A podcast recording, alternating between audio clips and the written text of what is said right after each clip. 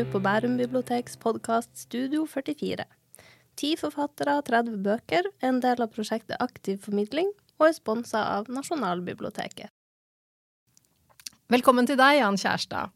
Tusen takk. Veldig hyggelig å ha deg her i Studio 44. Det har vi gledet oss veldig til. Du er jo en kjent og kjær forfatter som har skrevet veldig mange bøker i din over 40 år lange karriere.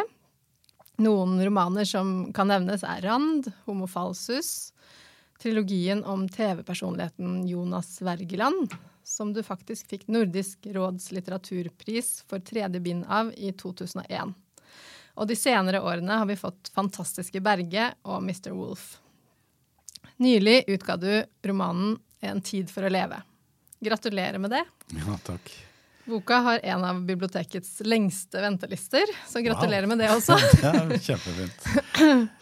Det er en uh, sprudlende roman som handler om alt vi ikke vet om hva som vil skje til neste år. Og om vår tids jag etter oppmerksomhet. En tid for å leve foregår rundt en oppsetning, og mer spesifikt premieren av Hedda Gabler og Henrik Ibsen på Nationaltheatret. Hedda Gabler er et dramatisk stykke med en sterk og smart kvinne med mange talenter som gifter seg med en tørr vitenskapsmann. Og på slutten av stykket skyter hun seg selv. I boka blir vi kjent med tolv personer som er på vei for å se stykket, eh, eller befinner seg i salen allerede. Vi blir ganske godt kjent med dem, deres tanker, bitre erfaringer og valg i livet. Det er alt fra influenseren som føler på en skjør forgjengelighet, det er læreren som er redd for en metoo-skandale med seg selv i hovedrollen. Vi møter faren som har mistet en datter til selvmord. Og forfatteren som skriver roman om et tyveri fra den store gulltransporten fra Den norske bank under krigen. Vi møter flyktningen som bare er glad for å leve. Og så har vi skuespillerparet Hedda og Henrik, som, for å få et udødelig ettermæle, planlegger en selvmordspakt. Jan, da spør jeg deg. Eh, denne tittelen 'En tid for å leve', eh, kan du si litt om hva du har ment med den? Ja, det, det er jo titler eh, tenker man jo på alltid da, når man begynner å, på en ny roman. Og altså, påfallende ofte så er tittelen der først. Ja. Altså nesten før du begynner å du har, du har, ikke engang nesten tenkt på hva du skal skrive, og så har du bare en tittel. Altså Berge, for eksempel, kom kjempetidlig. Ja. Eh, lenge før jeg hadde klart for meg hva den romanen ble. Men eh, denne romanen den eh, hadde ikke noe tittel før Jeg tror det var dagen før jeg leverte. Så hadde jeg til og med et par alternative titler. Så det var mer i sånn samråd med redaktøren at jeg kom, eh, kom fram til eh, en tittel vi var fornøyd med. Det var jeg som foreslo alle. Men eh, etterpå så har jeg tenkt at den, den, passer veldig godt. For dette er jo da en roman som er skrevet under pandemien. Mm. Hvor det var mye snakk om død. Det var veldig ja. alvorlige ting mm. som skjedde. da. Og du leste jo avisen hver dag som hvor mange døde hadde vi i går, osv. da. Og det var mye engstelse, altså alt vi ikke måtte gjøre og passe oss for. og sånn. Så jeg tror at det var en sånn mentalitet som var ute og gikk, som gjorde at du, at du fikk eh, veldig lyst til å altså, finne på det motstykket. da. Det, mm. det, positive motstykket, som er altså at nå er det en tid for å leve. Eh, også som en reaksjon på, på denne tiden. Mm. Men og så er det en, en, sånn Med en gang jeg fikk det i munnen og sa det høyt, så hørte jeg jo at dette klinger litt av eh, en bok som mange har hatt lillefingeren i, altså det man kaller forkynnerens bok i Det gamle testamentet, i Bibelen. Eh, hvor den mest kjente eh, passasjen begynner sånn 'Det er en tid for alt'. Og det er også en boktittel ja. som eh, Karl Ove Knausgård har brukt. Mm. Eh, men det er ikke sånn, en tid for å danse, en tid for å dø og osv. Men eh, det står eh, faktisk ikke 'en tid for å leve'. Så jeg tenkte at det var på tide da, at den setningen kom inn i det repertoaret.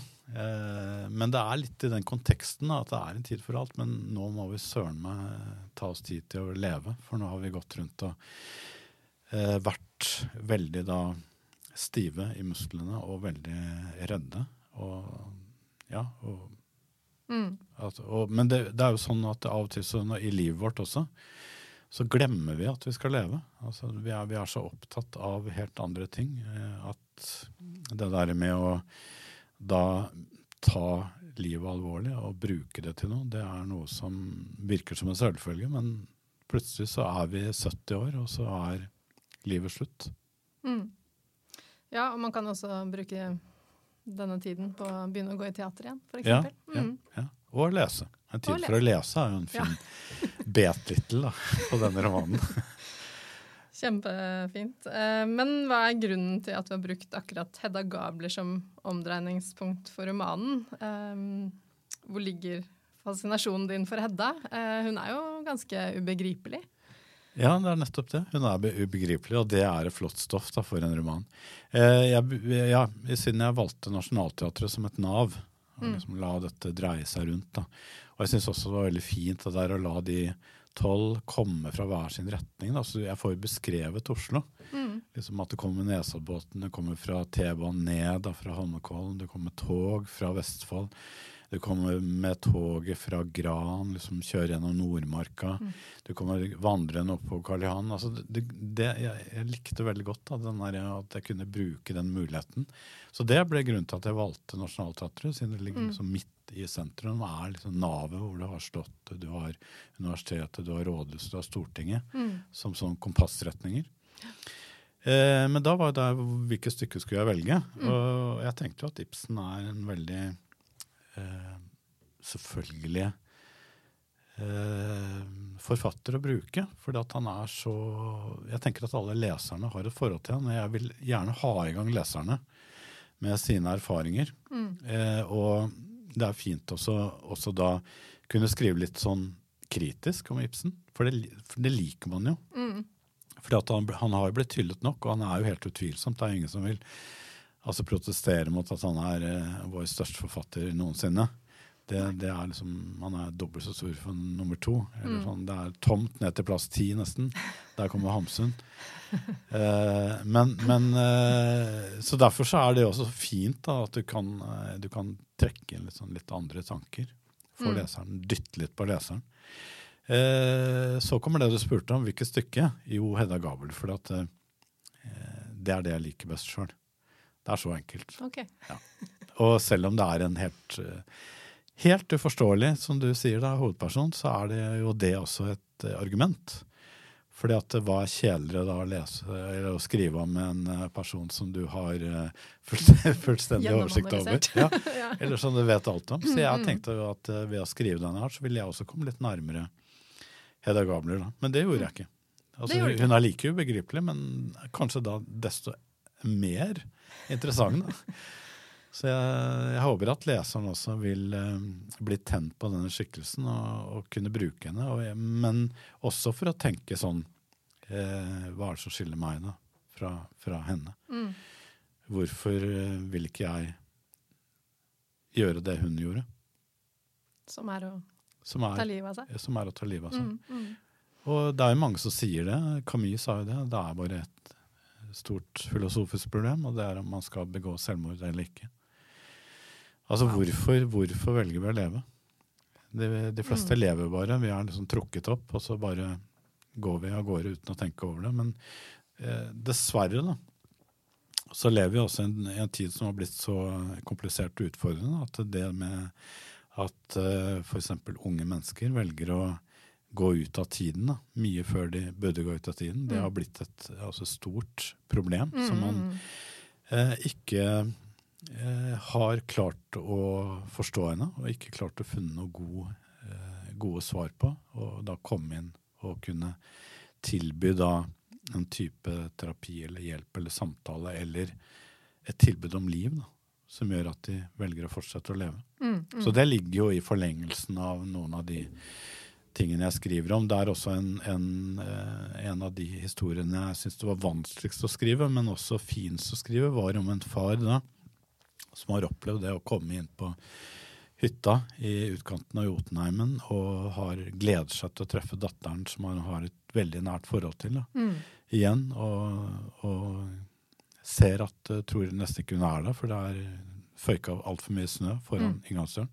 Graver seg inn og finner da datteren på sofaen, som har da valgt å begå selvmord. Og det er ingenting, ingen signaler, som jo også mange opplever. Altså, Mm. De forstår det ikke, og han bruker da mye av det, hans historie er jo det der å, å stille seg det spørsmålet hvorfor gjorde hun det? Altså Gjorde hun det for rett og slett hun var lykkelig? Altså Det kan også være svar, Mm. men som virker helt ubegripelig da for de fleste. Men det der med at et ungt menneske velger å da gå ut av tiden, det, det har så mange svar at uh, det er en historie som er utfordrende å skrive. Da. Mm. Men uh, han går jo da på Hedda Gabler som et ledd i en, en sånn altså terapi. Mm. Altså det man kaller å utsette seg for det man er redd for. For han, Ja. det er ingenting han er mer redd for enn å høre om eh, altså folk som tar livet av seg. Så det å gå og se da um, Hedda er jo bare 29 år. Mm. Det glemmer vi. Vi tror hun er så mye eldre, men hun er 29 år og står jo i starten på et lysende livskarriere. Mm. Eh, og det å gå- og se et sånt stykke, han gruer seg fryktelig for det. Mm. Ja, og han, det han lurer på, er jo liksom hva, hva er det han ikke har klart å se? Altså, Ja, ja. Hva, hva er det han har gått glipp av? Og vel, tenker jeg, liksom klandrer seg selv for at han ikke så Ja, hva og det det var gjør jo alle foreldre som opplever noe sånt. Ja, ja ikke sant? Um, og um, han føler vel at det er noe feil med han, og det gjør jo også noen av disse andre karakterene. eh, Mm. Kanskje mindre alvorlig um, på noen måneder, men, Mm. men, men ja, flere, flere av dem har jo innsett at de har noen liksom, mangler, da, eller feil Mm. ved seg selv. Mm. Eh, bristende karakteregenskaper. Samtidig så er de forbundet, eller blir liksom ja, blir eh, forbundet eh, under forestillingen på ulike måter. Um, kan du fortelle litt om det dramaet som skjer i både salen eh, så vel som på scenen Mm. Mm. i romanen? Ja, det er eh, For å si det veldig enkelt, da, så er det hovedhistorien, eller hovedplottet, går på det at eh, to av de som står på scenen, skuespillerne, han som spiller eh, assessor Brakk, som er da denne advokaten Assessor er sånn rart ord. Mm. Men som er en sånn familievenn og hjelper, som har fikset huset for dem osv. Um, eh, han er kjæreste med da eh, hun som spiller hovedrollen, som heter da Hedda. Hedda Mm. Foss. Eh, så det er Hedda som spiller Hedda. Eh, hovedplottet er at de har liksom nådd så høyt i norsk offentlighet. Altså de er virkelig superparet. Eh, de, er, de kan ikke gå ned Karl Johan. Så de blir bare stoppa, stoppa, stoppa. og Selfies, selfies, selfies. Mm. Men de har skjønt det at de er på hell. Så de, de, de er rett og slett slitne. Altså Mm. Hvordan skal vi holde på den oppmerksomheten? For de må jo bare da De vet at erfaringen viser at nå vil det gå nedover. De vil miste denne oppmerksomheten. Eh, og så tenker de sånn, hva skal vi gjøre da? Og de begynner å bli lei av livet. altså De ser tomheten i denne berømmelsen de er. Så de blir rett og slett enige da, om å begå selvmord sammen på scenen, men kamuflere det da som noe annet. Så de står eh, uansett, da, for å si, si det litt sånn tåkete, med en, eh, et våpen som er ladd med skarpe skudd. Det er ikke en rekvisittpistol, det er et ekte våpen. Og på første rad sitter statsministeren med sine livvakter. Så det er det som er da spenningsmomentet i romanen. Hva vil skje med, med dette her eh, på slutten? Men så er det da at da blir jo da alle de andre ti personene blir også dratt inn. De forholder seg til det de ser. De ser at det er noe rart med de. De spiller litt rart, og de Mm. tenker sitt, og de reagerer også på ulike replikker. Alle har et ulikt forhold til dette stykket, som da leseren får rullet opp etter hvert. Så de får et ganske sånn stort bilde av både hvem Hedda Gabler er, og også hva stykket handler om. Men, men hvordan, det spennende for meg som forfatter er jo hvordan de skal bruke det i sine liv. Eh, Så drama for dem er jo de andre menneskene i salen Mm. som de sitter tett sammen med, og som de da ikke er klar over kanskje er de som da hjelper de til å løse denne bristen, som du kalte det, som de har i sin personlighet, til å komme over en, en, sånn ja, traume, da, eller, Mm. eller et problem de står overfor som de vet de må løse for å komme videre. Så de har eh, De skjønner da etter hvert at eh, kanskje noen av disse personene rundt meg er nøkler til mitt problem. Og det er det jeg vil leseren skal se. For leseren er den som mer kan se det enn disse personene selv. At de bærer hverandres løsninger. Altså dette her er mennesker som går tett på hverandre, og som da hjelper hverandre uten å være klar over det. Og det er ofte det som er svært verdifullt da, med å være kollektiv. Som vi da kanskje også savnet veldig under de årene som har gått nå. Mm, ja, det høres veldig fint ut at de bærer hverandres løsning. Ja. Um, hvorfor skal vi lese denne boka? Hva tenker du at den skal fortelle oss? Nei, jeg håper for det første at det skal være en nytelse. Det er jo så enkelt at hvorfor leser du? For det er en nytelse. Eh, og så tenker jeg også da, altså, Hvorfor er det en nytelse å lese en roman hvis man får noe ut av den? Jo, det er fordi at man får en erkjennelse. Mm. Eh, det er ikke bare for at det er tidtrøyte, altså du, du liksom har brukt masse tid, eh, og, ikke, tiden har blitt borte, og det har vært eh, som å spise konfekt. Det har vært veldig godt. Nei, det er fordi at den store nytelse er at du har skjønt noe som du ikke har skjønt før. Og den erkjennelsen er så dyp at du ikke helt er klar over det. Du klarer ikke helt å gjøre rede for det heller. Så hvis du leser denne romanen, tenker jeg den største komplimentet jeg kan få, er bare at du sier sånn jeg, jeg, bare har forstått noe av, av livet og meg sjøl ved å lese en roman. Jeg kan ikke helt eh, sette ord på det, men jeg kommer aldri til å glemme det. Altså det er, jeg ser verden med nye øyne. Det er det største komplimentet en forfatter kan få. Så bra.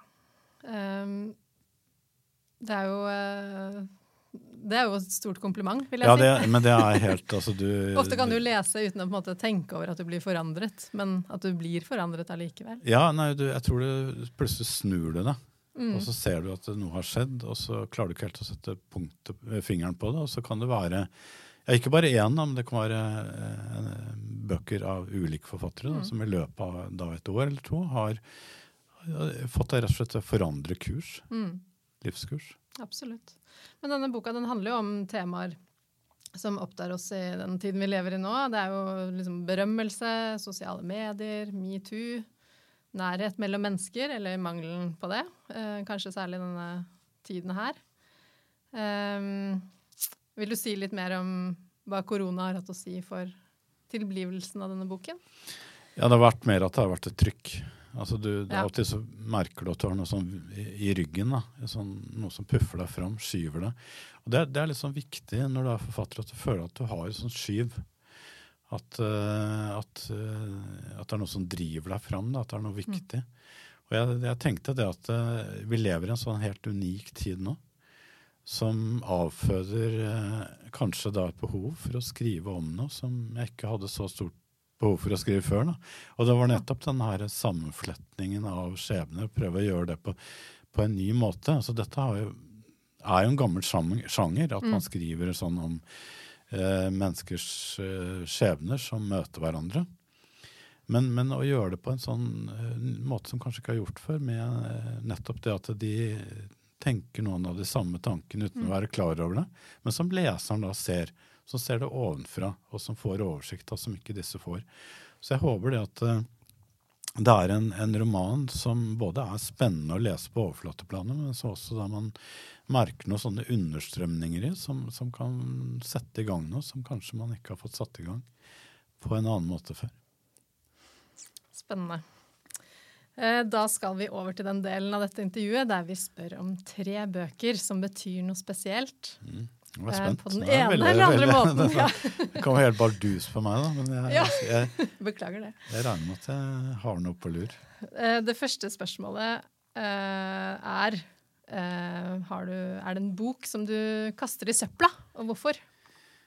Ja, det kan jeg svare egentlig ganske enkelt på, fordi at jeg flytta nylig.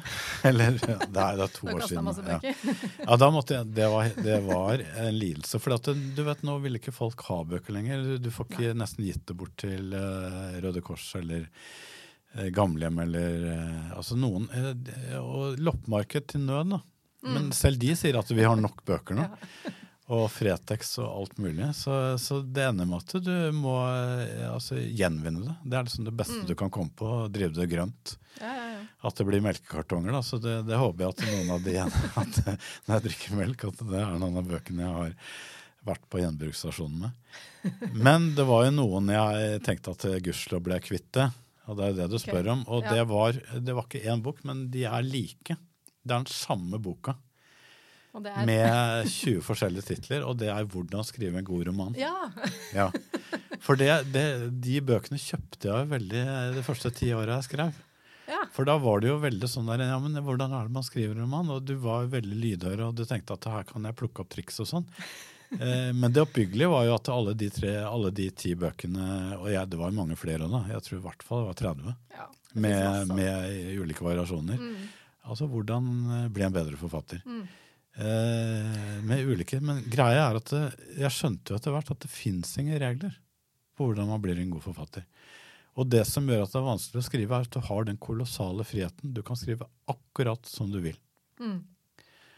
Så når de sier sånn derre For eksempel eh, når du lærer å skrive dramaturgisk riktig, da, at hvis, du, hvis du kommer til et spennende punkt, og du er i preterium, altså i fortidsform, Mm. så skal du dra det over i presens. For da vil det ubevisst påvirke leseren. Til at leseren skjønner da med eh, liksom. mellomgulvet sitt at nå kommer noe til å skje. Ja. Altså, Det er bare bullshit. Du kan godt, du kan godt gjøre det, men du, altså, det, det er jo like spennende da, hvis du har et spennende stoff, og det holder deg i tredjeperson. Men, men altså uendelig mange varianter av sånne ting. Mm, mm. Altså Det er forbudt å gjøre det, det er forbudt å gjøre det. Altså For eksempel den der, noe som jeg hater, det er den derre show, don't tell. Mm. Altså Du skal vise fram den konkrete situasjonen. Du får ikke lov til å, å skrive fortellende. Eh, sånn, Men så leser du plutselig en roman som er, det er bare fortellende stemme hele tida. Mm. Og den er knall. Du, du går i bakken, altså, for den er så bra. Og så leser du neste roman som er bare showing. altså Der er det helt konkret, og du viser fram, og du ser ikke forfatteren i det hele tatt. Mm. Som også er like bra. Mm.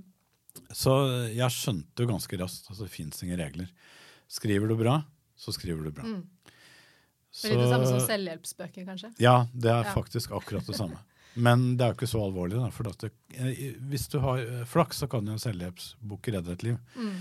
Men jeg tror eh, ikke en sånn der, 'Hvordan bli en god forfatter'-bok kan redde en forfatter hvis du er dårlig. Hvis du er en dårlig forfatter. Ja, ja, for du blir Men, men det du kan gjøre, er at det, eh, det er jo alltid Det kan være morsomt å lese det, for at du leser om forfattere. Mm. Så det du leser om eh, når du leser sånne bøker, er at du leser eh, liksom en halvt biografisk roman. Mm.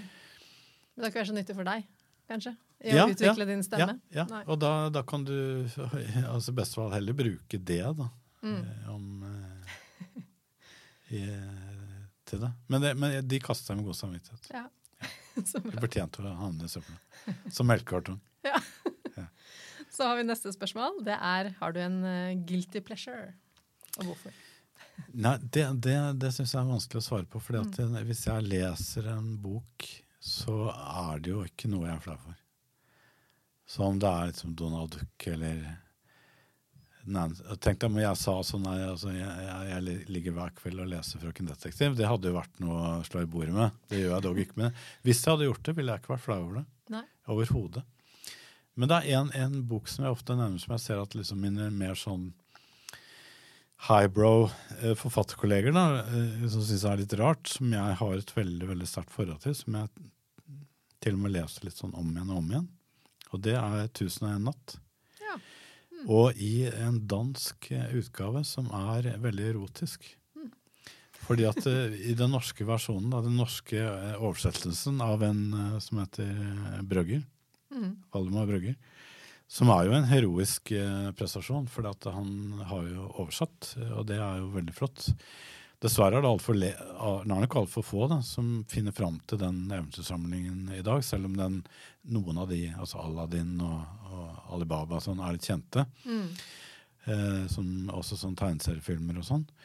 Men, men eh, denne utgaven som jeg har, jeg har en dansk utgave. Det er, eh, for, nå må jeg ikke svare for langt, da, men 'Tusen og en natt' eh, har kommet til oss i, i hvert fall to hovedtradisjoner fra den eh, arabiske kultursfæren. Og den ene ble oversatt til fransk, og der, den er, der har liksom, de har smørt på litt Ja, mye erotikk. på fransk vis. Eh, Ja, Ja. men så har det liksom den tyske tradisjonen som er mye mer sånn eh, puritansk, og den, Ja. den er mye egentlig nærmere noen av de grunnkildene, da, men den, den er mer prosaisk.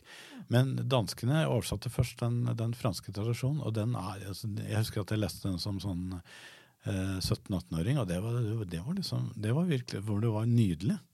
Altså nydelig erotikk. Eh, for det er sånn poetisk. Og så er det også illustrasjoner som er også veldig, veldig vakre. med sånn gull og sølv og blått og sånn innimellom de sidene. Så det er et 16-bindsverk Ja. som er altså, noe av mitt eh, Som jeg ikke kastet, da. Mm, ja.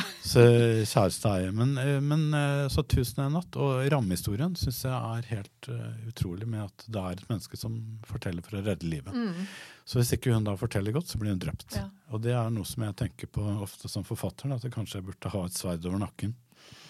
Altså hvis jeg skriver dårlig, så er det hodet av. mm. Men vi, eh, vi dessverre så får vi gitt ut det meste. Ja, særlig når du har blitt et så stort navn som nå, kanskje. Nei, der har det blitt veldig strenge. Altså, det? det er nytter ikke å Nei, det, Nei. der er helt slutt. Altså, markedet nå er stålhardt, og det er sånn at eh, så når du er 55 år nå, og før så fikk du surfe inn da, med dårlige bøker, så da sier redaktørene refusert. Okay, Det såpass, går ikke. Ja. Mm. Så da, er, da må du gå og vente lenge før du blir pensjonert. Ja, veldig. Ja. Ja, og Så hva gjør du da? Du tjener ingenting da i, i 15 år. Mm. Eller, eller, ja. Så det, er- det er harde kår i dag, så du Ja. må levere kvalitet. Ja, ja, ja. Men allikevel så er det sånn at eh, hvis du ser på den norske bokhøsten, det er noe der som du tenker sånn vi kunne ha overlevd uten. ja. Det er vel det. Men tanken på at du skriver med hagla i nakken, den tror jeg ikke alle har. Det tror jeg ikke, nei. Nei. Det siste spørsmålet i dag er da eh, Er det en bok du elsker, og hvorfor?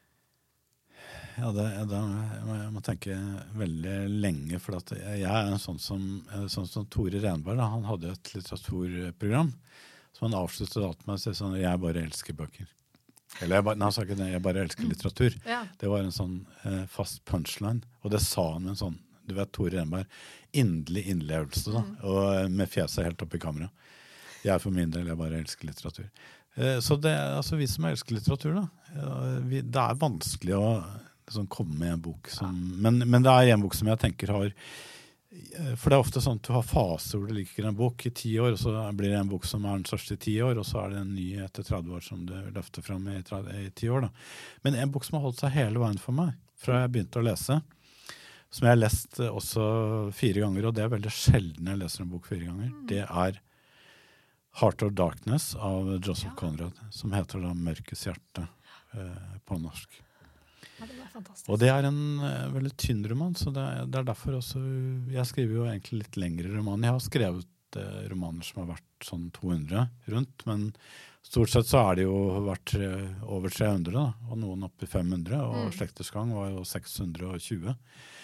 Men, men eh, den er så pregnant, den er så tett og komprimert, og Mm. den, så, den har en sånn helt u, altså, udødelig historie Mm. For å bruke et Karen Blixen-begrep. Altså den udødelige historie. Det er den Mm. vi jakter på. Altså hva er den udødelige historie? Så det er jo om da eh, Marlow, som eh, er eh, skipper på en elbåt, som har fått i oppdrag å dra inn til jeg håper å si, kilden av Kongofloden, helt til der hvor det ikke går an å seile lenger, og hente hjem Kurz, som har gått native, antagelig, da, og blitt mer eller mindre gal Mm. Og ta den med tilbake til sivilisasjonen. Men eh, det er det som gjør den så utrolig vakker, er at den har en rammehistorie, hvor da eh, Marlow forteller den historien eh, når en annen båt ligger ankret opp nedenfor London på Themsen. For å underholde underholde sine sjømennskolleger da, i, om kvelden.